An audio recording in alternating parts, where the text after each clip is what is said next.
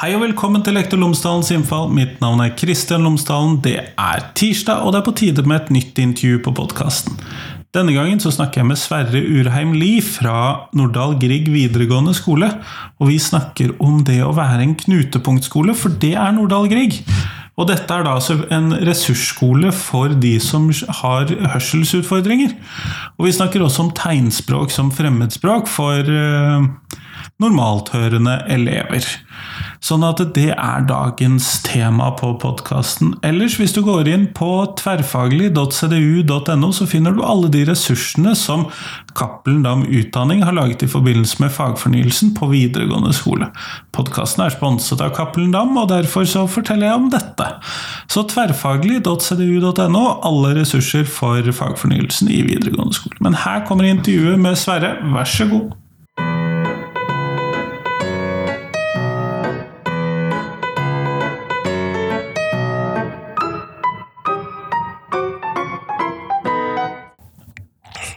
Sverre Urheim Lie, tusen takk for at du har tatt deg tid til meg i dag. Kjekt å være her. Før vi starter med selve intervjuet, så hadde jeg håpet at du kunne fortelle lytterne mine tre ting om deg selv, sånn at de kan få bli litt bedre kjent med deg. Ja, jeg eh, jobber jo i videregående skole. Det har jeg gjort i 32 år nå, så jeg eh, er jo en del av den eldre garden. Eh, jeg er faglærer, men også audiopedagog utdannet, så eh, mitt eh, hovedfelt er alt som har med hørsel og nedsatt hørsel i, i skolen å gjøre. Jeg bor i Bergen og jobber på Nordahl Grieg videregående skole. Her har jeg vært ansatt siden skolen åpnet i 2010. Elleve år siden og trives veldig godt her. Masse kollegaer og masse elever, og veldig spennende å jobbe med det feltet som er mitt. Også. Og du leder jo det som er den såkalte knutepunktskolen her, men da er jo først spørsmål Vi må jo starte med hva er en knutepunktskole? En knutepunktskole Jeg er egentlig ikke så veldig begeistret for det navnet, for det sier lite, men det, er jo en ressursskole. Så når jeg snakker med engelske kollegaer, så kaller jeg det for Resource School for the Deaf. Det er en ressursskole der vi har ulike personale som er spesialister på alt som har med hørsel å gjøre. Vi er teknisk utstyrt i forhold til det, og bygger rom og, og alt eh, Mikrofoner i mange klasserom osv.? Ja. Så, eh, og tegnspråk, ikke minst. Og vi har eh, mange ansatte tegnspråktolker på skolen her. Og vi har lærere som etter hvert har opparbeidet seg solid kompetanse på, eh, på det som har med nedsatt hørsel å gjøre i store klasser. Knutepunkt skole har jo eksistert en del år. Vi har knutepunktskoler i eh, flere norske byer. Trondheim, Oslo, Sandefjord, Stavanger og Bergen, da. Så vi samarbeider jo også, men, men vi har veldig ulik historikk. Vår knutepunktskole Eh, stammer fra den gangen det var egen landsdekkende skole for, på videregående nivå da, for døve og sterkt tunghørte, som vi kalte det den gangen, eh, her i Bergen. Og Så ble den overført til fylket og gjort om til en knutepunktskole. Mens de andre skolene har gjerne litt ulik historikk. Noen er ganske nyopprettet. Eh, på vår skole er vi så heldige at vi har hatt med oss uh, mye kompetanse fra døveskolen, da, sånn at vi har lærere som, som kan kommunisere direkte med elevene på tegnspråk. Men nå må vi jo sørge for å utdanne neste generasjon også, for eh, vi begynner å bli gamliser, vi som har drevet med det i mange år. Ja, for det krever jo at man kontinuerlig fyller på i bånn, for å si det på den måten? Ja da, og nå er det jo en helt annen tid. Eh, det var det å drive døveskole på 1990-tallet, da, da, hadde vi jo mindre grupper, og alle brukte tegnspråk.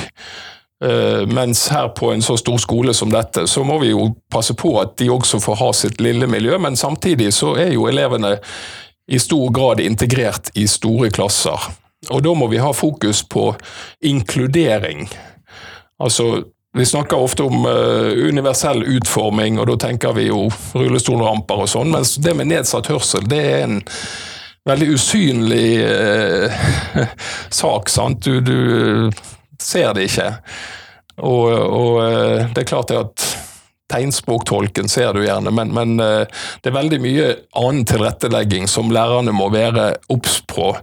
Pedagogisk tilrettelegging, alt fra samtaleregler i en stor klasse til mikrofonbruk, til samarbeid med tegnspråktolken. Alle sånne ting eh, krever nok en god del erfaring.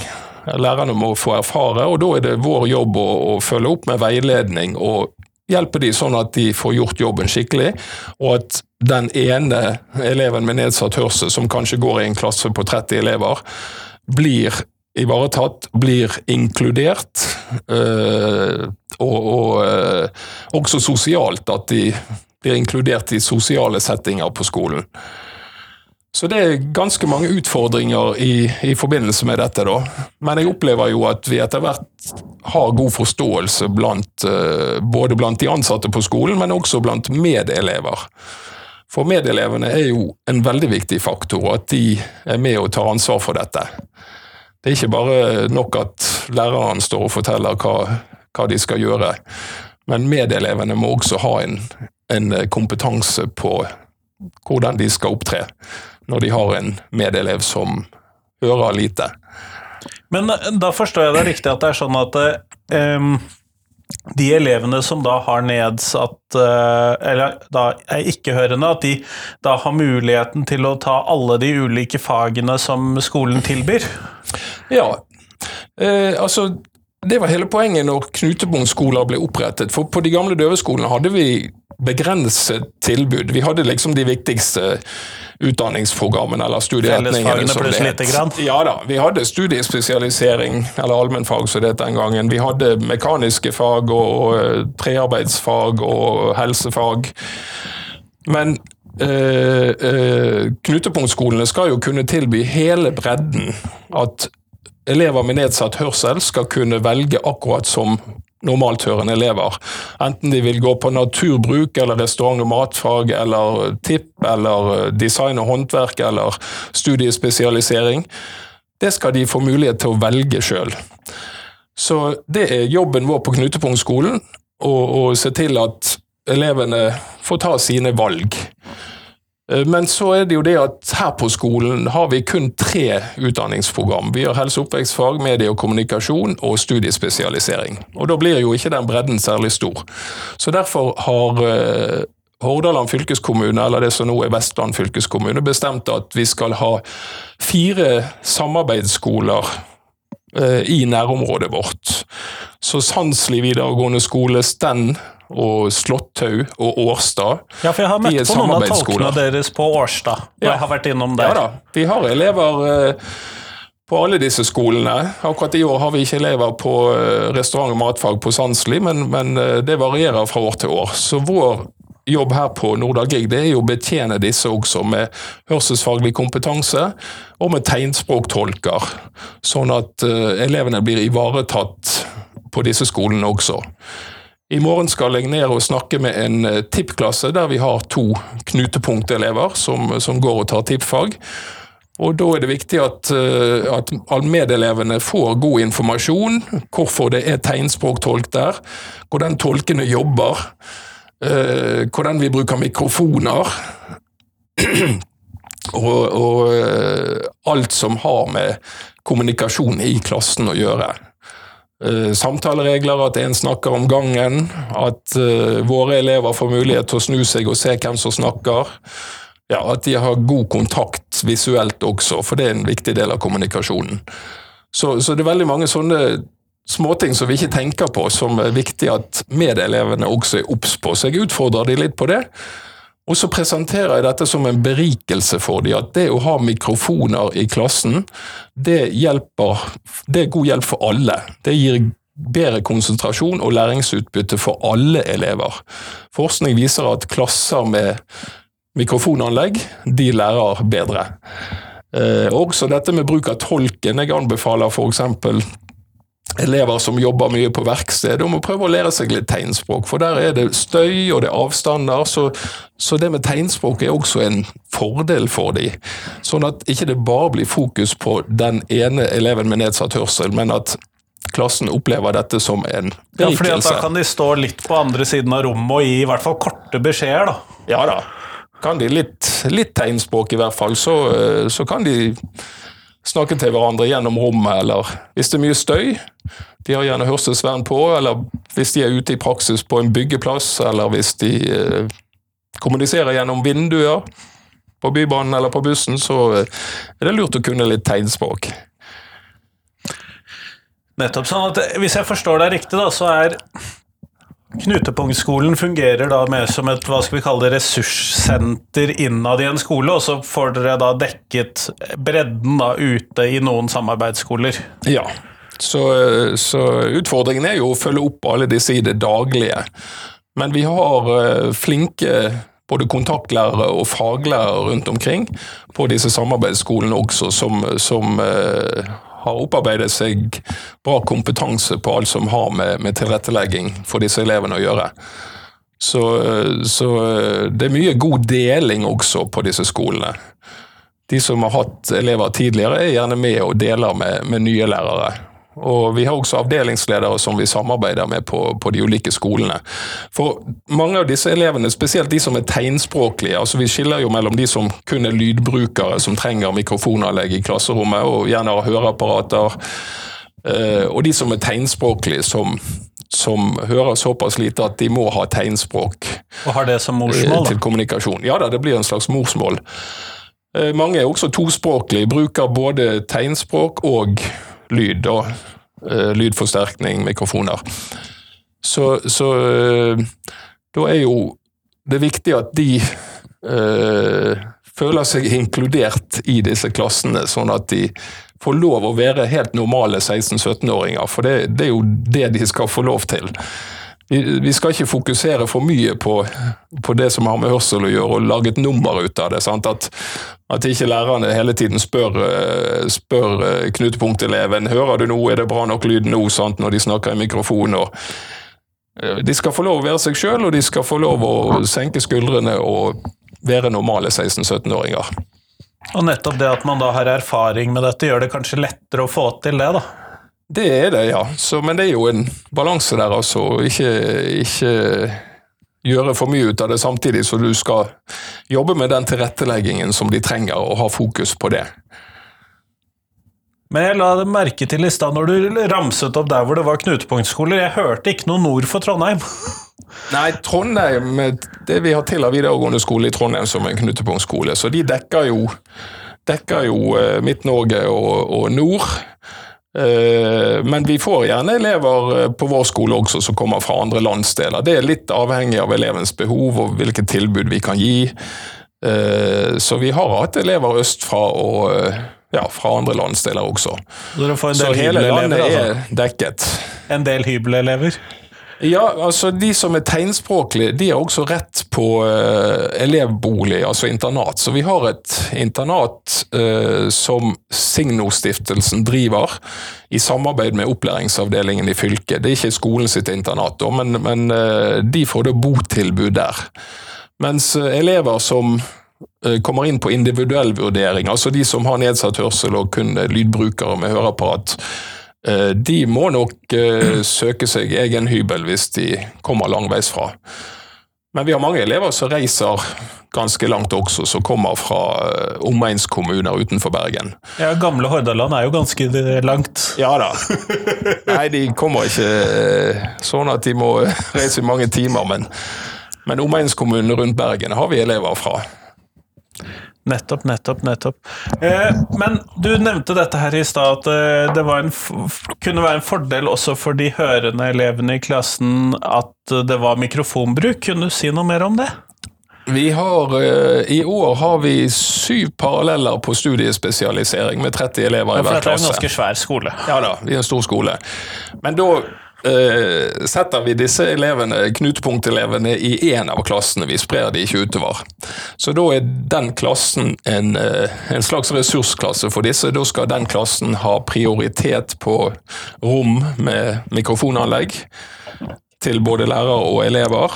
Uh, de skal ha god veiledning, altså at jeg er inne i klassene og snakker med medelevene om hva det vil si, og utfordrer de litt på dette her med å alltid bruke mikrofoner og eventuelt tegnspråktolk også. Og de får lærere som har, har litt erfaring da, med, med, dette. Sånn at, uh, at det, det, blir litt mer ressurser satt inn på den klassen. Og så må vi følge opp dette gjennom skoleåret, for alt fungerer ikke 100 perfekt ved skolestart. Det kan være noe teknisk, at mikrofoner er nede. Det kan være elever som glemmer seg. Så jeg har sagt til dem nå må dere være flinke og minne hverandre på det. Det er ikke bare læreren som skal styre dette. Og så kjører jeg gjerne eh, lydeksempler på uh, hvordan det høres ut for en høreapparatbruker med mye støy, sånn at de blir litt obs på det. Og disse klassene de, de, liker jo å ha det rolig i klassen og ha samtaleregler, én snakker om gangen og, og alt sånt, så, så, det er jo en fordel for alle sammen. Det merker de etter hvert også. Så, så vi ser at disse elevene, de, de uh, føler nok uh, at de må de må jo følge opp sjøl med, med, sitt eget personlige utstyr, høreapparat og sånn, men, men, eh, jeg ser at de får venner, og de, de, er aktivt engasjert også. De er ikke bare passive deltakere i klassene. Hvis vi får til dette som vi nettopp har snakket om. Jeg er jo vant til å ha store klasserom, og jeg har jo fort 30-32 elever i mitt rom også. Og av og til så syns jeg det er vanskelig også å få Hvis jeg står fremme, da, eh, å få lyd nok til at de på bakerste rad eh, hva skal vi kalle det, er våkne gjennom timen. Særlig hvis det er en litt sånn tung uke, eller vi er i litt feil tid av skoleåret og en del sånne elementer. Eh, hvordan tenker du at Kan mikrofonene bøte på den biten? Ja, altså Moderne mikrofonanlegg de fungerer jo ofte lydutjevnende. Altså Du har lydutjevning i klasserommet. Det betyr at de som sitter på bakerste benk, de får like god lyd som de som sitter helt fremme. Så det er jo en stor fordel. Eh, vi har både stasjonære anlegg i klasserom, og vi har eh, mobile anlegg som fordeler lyden utover.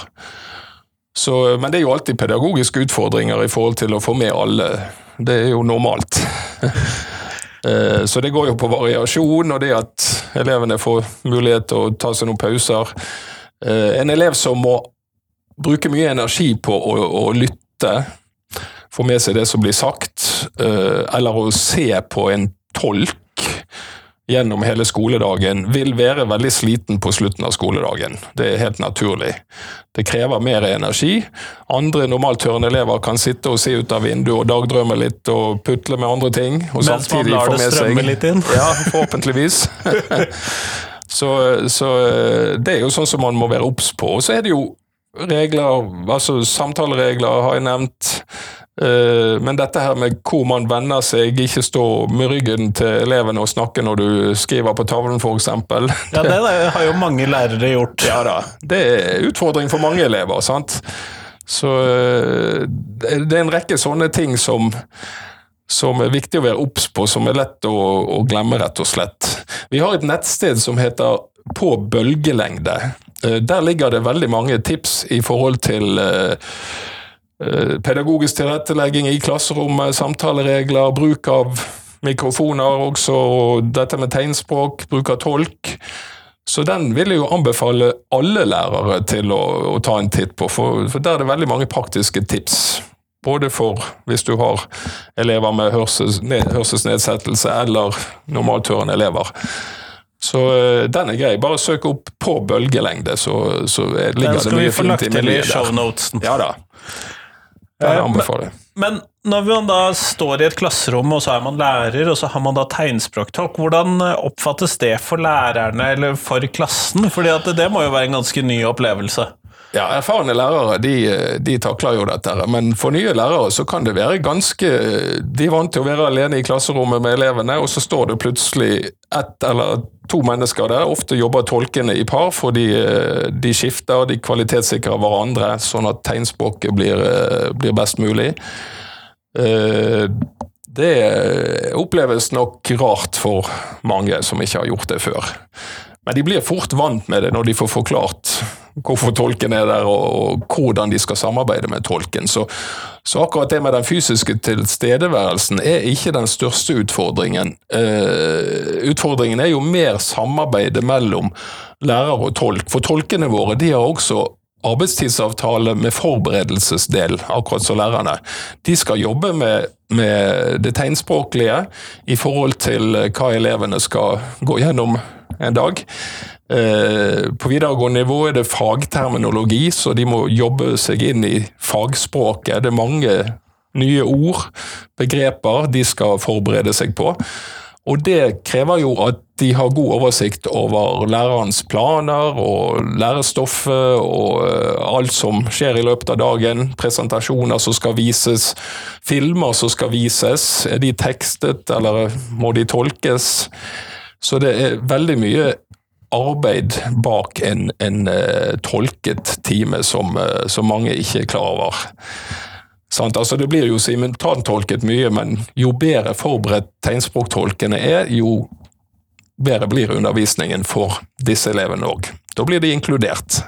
Det høres ut som jeg er marerittlæreren for disse tegnspråktolkene, fordi at jeg er litt usikker på hvor god jeg ville være til å presentere planene mine så veldig mye på forhånd. Samtidig er tolkene flinke å si fra hvis det er noe som klikker. Hvis en lærer snakker for fort, så sier de 'kan du gjenta', 'kan du snakke litt roligere'? Eller kan du stave det ordet? Så, så eh, de jobber med læreren hele tiden. Så det at uh, Men in, hvis du snakker om inkludering, så kunne jo kanskje podkasten din uh, også fokusert litt på det. Hvis du skulle hatt skikkelig inkludering, tenke inkludering i forhold til en lydlig podkast Så må det bli så, transkribering? Ja, da måtte du gjerne ha teksting til. sant? At det lå tekst i et eget vindu, eller Ja. Men også for de som er tegnspråklige. Mange tegnspråklige elever sliter, og voksne òg, sliter nok med skriftspråk. Spesielt hvis det går for fort. For de har ikke Når vi lærte oss å lese og skrive, så var det på grunnlag av hva vi hadde hørt, at vi hadde hørt mm. språket i mange år. Så, så eh, da burde du også gjerne hatt et uh, lite tegnspråktolkvindu i podkasten din. Så, så, så tekstingen sånn på TV-filmer kan eh, rett og slett gå for fort for en del tegnspråkbrukere? Ja, men altså vi har flinke eh, elever også som leser, eh, leser helt normalt, så det er veldig individuelt. Nei, Jeg har vurdert også å transkribere podkasten min, det fikk jeg tidlig ja, oppfordring om. Men foreløpig så har det vært for eh, krevende å få til ja. rent økonomisk. Men jeg ser at Word nå nærmer seg å kunne transkribere podkasten min. Ja, når du får skikkelig talegjenkjenning, så, så blir det nok bedre og bedre etter hvert. Så, eh, men å ha f.eks. et uh, vindu med en tegnspråktolk, det vil jo også være bra for mange. At de får, får det på sitt eget språk. Så uh, våre tegnspråklige elever har jo uh, et eget fag som heter tegnspråk, eller norsk tegnspråk, faktisk. Så de skal lære mer om sitt eget språk. Så har de noen egne læreplaner. Det er helt ordinære læreplaner som, som fører til bestått vitnemål. Det er norsk for elever med tegnspråk og engelsk for elever med tegnspråk. Der er det litt andre kompetansemål, spesielt på det som går med muntlig og lyd.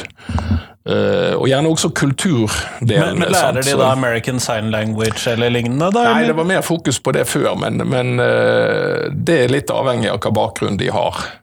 Noen har jobbet med dette på ungdomsskolen, British Sign Language eller American Sign Language. Men britisk tegnspråk er jo ikke noe verdensspråk, sånn som sånn som uh, muntlig engelsk er. Så uh, du kan ikke bare sammenligne det. Men, men uh, de jobber gjerne mer med tekster om døve i engelskspråklige land, i engelskfaget.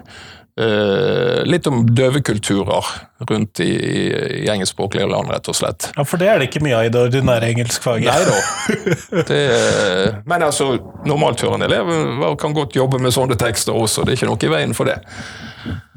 Nettopp. Skjønner, skjønner. Men dere tilbyr jo også, så vidt jeg har forstått, tegnspråk som fremmedspråk til eh, resten av skolen? Ja.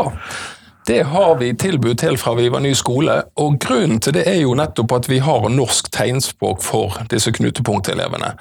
Da har jo vi ansatt lærere som har tegnspråkkompetanse, som har uh, vanlig undervisningskompetanse i videregående skole tilsvarende andre fag, de har studert tegnspråk på høyskole eller universitet, og har den kompetansen, så de kan gi disse elevene det tilbudet. Men da kan jo vi bruke disse lærerne til andre ting også, f.eks. det med fremmedspråk. Så, så, vi tilbyr tegnspråk som et fremmedspråk ved siden av tysk, fransk og spansk her på skolen. Så kan elevene da velge tegnspråk 1 Eh, og tegnspråk 2 da, for de som ikke har et fremmedspråk i ungdomsskolen. Eh, og så får de da tilsvarende undervisning i tegnspråk som, som de andre fremmedspråkelevene. Og det er faktisk veldig populært. Mange ser på dette som en eh, spennende, et spennende tilbud.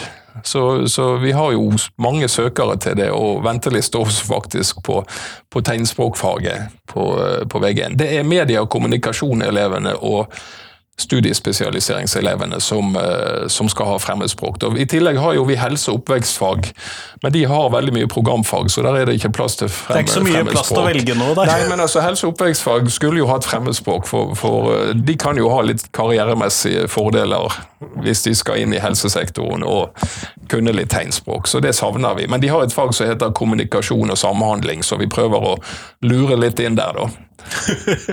men hvordan er det Du sa at det var populært, men eh, det, virker det som at dette er noe som elevene opplever at de da får bruk for i skolehverdagen? Det er jo Hvis de går i klasse med tegnspråklige elever, så, så oppfordrer vi dem til å bruke det de kan. Uh, når vi er inne i klasser som, som uh, nybegynnere, da, så oppfordrer vi dem til å prøve å finne tegn sjøl. Veldig mange kan tegn sjøl. Veldig mange tegn er ikoniske. Sant? Tegnet for bok eller båt, kjøre, sykle. Det er veldig Du ser det i tegnet. Så når jeg spør elevene om hva de tror er tegn for ulike ting, så, så kan de det alt. Og så er det jo om å gjøre å utvide dette og så finne ut av, eh, av alt med oppbygging av språket. og det, det, har jo en helt annen uh, grammatikk og oppbygging enn talespråket. Så du, du, du, sier ikke bare ord for ord når du, når du eh, bruker tegnspråk. Eh, så, så, dette får de jo De har fire timer uken å jobbe med dette på. og De som er veldig interessert, jeg ser, de praktiserer en del og ser at dette her er nyttig. Og så er det ulike situasjoner i fremtiden de kan, eh, kan få nytte av det. Så i dag har vi jo en mye større del av integrering av, av eh, voksne med nedsatt hørsel enn tidligere. Sant? Så de er rundt omkring i samfunnet overalt, og, og eh, treffer du plutselig en som bruker tegnspråk, så kan du gjerne prate litt med dem. Det setter de stor pris på. Og du trenger ikke være ekspert, det er nok å kunne litt, i hvert fall. ja, og det skjønner jeg jo, og det merker man jo nesten uansett hvilket språk det er snakk om, at litt hjelper veldig mye. Sånn er det vel med alle språk, og det er ikke noe annerledes med tegnspråket der. Men man må tørre å hive seg litt utpå. Men hvis jeg skulle vært rektor da, på en uh, tilfeldig ungdomsskole eller videregående skole, uh, er det noe hvordan, Hvis jeg skulle ønske å ha tegnspråk som et fremmedspråk på den skolen, er det noe jeg burde tenke på, eller er det mulig? Ja, man må jo ha ansatt lærere som har kompetanse i faget, det er jo det viktigste. Eller klare å stjele en. ja da, eller få tak i en. Sant? Så uh, Ofte er det jo gjerne personer med nedsatt hørsel sjøl som har studert uh, på universitet eller høyskole og, og uh, fått tegnspråkkompetanse, undervisningskompetanse i tegnspråk. Så, men de må jo ha pedagogikk og alt det andre som, som trengs òg. Det er nå det viktigste å få inn, få inn den. Og så er det jo å, å få uh, inn alt som har med ja, læremidler og nå bruker jo elevene mye datamaskin og sånt, så en del, mye av faget, tegnspråkfaget sitter de og jobber sjøl med eget kamera. De, de, både ser og avleser tegnspråkvideoer, og de produserer sjøl. Så, så, alt det tekniske materiellet må jo være på plass. Men ellers er det ikke noe mer hokus pokus Nei, For det fins eh, læreplaner, og det, ja, det fagene er etablert allerede, ja. liksom? Så, eh, så, alt det der er på plass. Så det er nå litt opp til administrasjonen på den enkelte skolen å få, eh, få inn disse ressursene. og bare sette i gang, og så er det jo litt veien blir til mens vi går den også, sånn som med alt annet. Men får dere inn noen elever som har tegnspråk fra før av gjennom ungdomsskolen, og som dermed skal begynne på det som vi før kalte B-språknivå? da? Ja da, tegnspråk 2. Nei, det er lite, lite, av det, faktisk. Men jeg vet en del ungdomsskoler i Bergen har snakket om det, sant? så vi håper jo det at ungdomsskoler både her og ellers rundt i landet kan, eh, kan, se litt på dette. Det er jo ikke nødvendig at alle skoler har det, men at noen kan være sånne ressursskoler med, med tegnspråk. For uh, tegnspråk det er veldig anvendelig rundt omkring. Jeg bruker det i mange sammenhenger. Så uh, i familien min, både kone og sønner, de sier av og til 'nå tegner du, pappa', sant? selv om det ikke er noen med nedsatt hørsel rundt oss. Det blir helt naturlig. For det, det, det, kan også være med å styrke kommunikasjonen på mange måter. Det blir veldig det jo, tydelig hva du gestikulerer i, hvert fall. Ja, for tegnspråket er jo ikke bare håndtegn, håndformer. Det er jo ansiktet, mimikk og, og munn og kroppsspråk og alt. sant? Så du uttrykker følelser, du uttrykker uh, ulike stemninger så, uh, og settinger og sånt. Så, og du lager jo en hel verden sant, med tegnspråket. Så uh, elevene som tar det, de syns det er veldig gøy også å lære seg tegnspråk. For det er så forskjellig fra talespråkene. Sant? Det er et visuelt språk, og det er ja, Kjempegøy, sier elevene. Ja, og det hørte jeg faktisk, for mens jeg satt og ventet på at du skulle komme til avtalen vår i dag, så passerte det fire, jeg tror det var førsteklassinger, som nå ja. virket som de hadde hatt sine første timer. Og de virket i hvert fall veldig entusiastiske. Ja da. Nei da, de, eh, de syns det er spennende. Det er noe helt nytt i forhold til andre fremmedspråk. Og relativt praktisk, vil jeg tro. Sånn at det oppleves som veldig praktisk. Ja da. Som sagt så kan det brukes i mange sammenhenger. Men kjempeflott. Vi går mot slutten av podkastintervjuet, og da vil jeg gjerne spørre deg det spørsmålet som jeg stiller alle jeg intervjuer. Og hva er de tre viktigste tingene som skolen lærer elevene? Det må jo være vi har, eh, På Nordahl Grieg har vi en visjon som heter 'Dristige hjerner i samspill'. Og den sier veldig mye. Den bruker vi aktivt. Altså det at vi skal være dristige og fremoverlente, at elevene skal være nysgjerrige på verden og bruke mulighetene. Og i samspill at de skal jobbe sammen. Så det med samarbeid, eh, det syns vi er viktig i verden i dag. At eh, de, de står ikke alene, de er sammen om ting. Eh, og så er det dette med inkludering, som jeg tidligere har nevnt. Det at alle er med. At ingen blir ekskludert. At vi har tanke for det hele tiden i alt vi gjør. Det syns jeg er veldig viktig, eh, veldig viktig i skolen i dag. At, at de elevene blir For det, det, er så lett at de forsvinner, sant? og vi tror at det er nok at vi bare bruker mikrofon eller sånn, og så kan de bli ensomme, spesielt sosialt. da.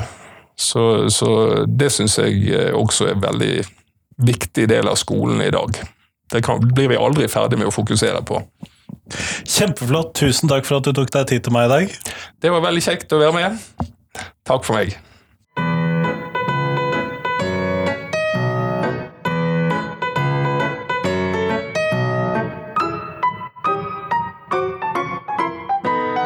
Tusen takk til Sverre, og tusen takk til deg som hørte på. Nå er det en uke fram til neste podkastepisode, og det er vel da etter eh, høstferien, vil jeg tro. Men eh, vi får se når du hører den. Jeg håper i hvert fall at du koste deg med dagens episode, og så håper jeg at du kommer til å kose deg med neste ukes episode. Da skal vi snakke med Leif Anders Kasin fra Nettskolen Telemark, eller Nettskolen Telemark og Vestfold heter det vel strengt tatt nå. Ikke når jeg først puttet det inn i Excel-fila mi for Eh, hva jeg skal ha av episoder fremover. Og når vi snakker om den Excel-fila mi, så blir jeg veldig glad for hvis du kan sende meg noen tips til hva du har lyst til å høre på på podkasten. Fordi at det er den eneste måten jeg kan komme på nye, kule temaer som eh, Eller interessante temaer. Eh, gøye temaer, nyttige temaer. For det er måten jeg kan finne ut av det på. For jeg har ikke så god eh, kreativitet på å komme på nye temaer. Send meg tips, send meg tips, send meg tips. Men nå får du ha en fin uke. Hei, hei!